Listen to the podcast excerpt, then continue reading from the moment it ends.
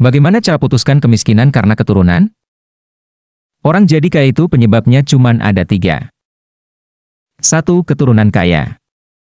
Ini sudah genetis, jadi biarpun keturunan kaya, dimiskinkan, dia cepat sekali jadi kaya lagi. Contoh, Raja Arab, Sultan Brunei. Dua, beruntung. Ini tidak semua orang punya. Bisa karena menang judi, dapat jodoh orang kaya atau karena hal lain. Tiga, Pola pikir. Terdiri dari bagaimana mentalitas Anda untuk menjadi kaya, seperti cara Anda mengelola uang, mengontrol emosi.